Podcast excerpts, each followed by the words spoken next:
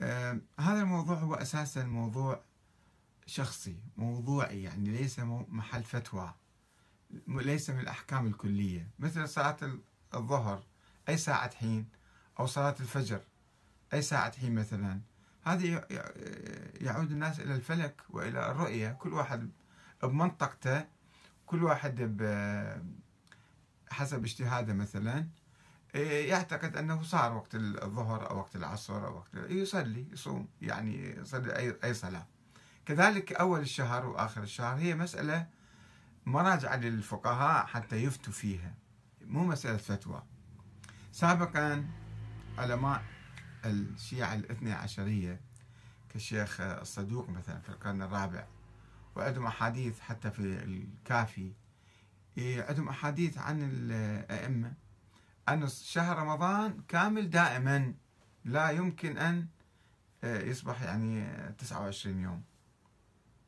عندهم أحاديث والأخباريين ربما حتى اليوم يعملون بها الأحاديث. ولكن بعد ذلك الشيعة اجتهدوا وتطوروا وقالوا مو معقولة يعني هو فلك. هي مو مسألة فتوى من الإمام أو حديث من الإمام. فإحنا نشوف الهلال أهل هذا اليوم. يوم 29 مثلا اللي يصير الشهر ناقص. ما يحتاج يكون الشهر كامل 30 يوم. حتى لو شفنا الهلال بعيننا نقول لا هذا بعده لازم نتمم شهر آه، رمضان. هذه فتوى يعني بطلوا عنها الشيعة من زمان. والحمد لله رب العالمين.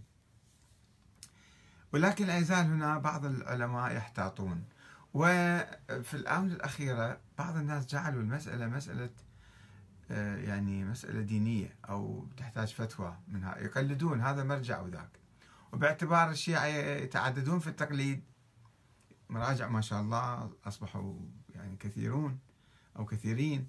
فلذلك تشوفون كل واحد يعني لكي يثبت مرجعيته أو لكي يحافظ على مرجعيته أو كذا دائما المرشحين أو اللي مرشحين أنفسهم للمرجعية أول ما يبدي بفتاوى الهلال.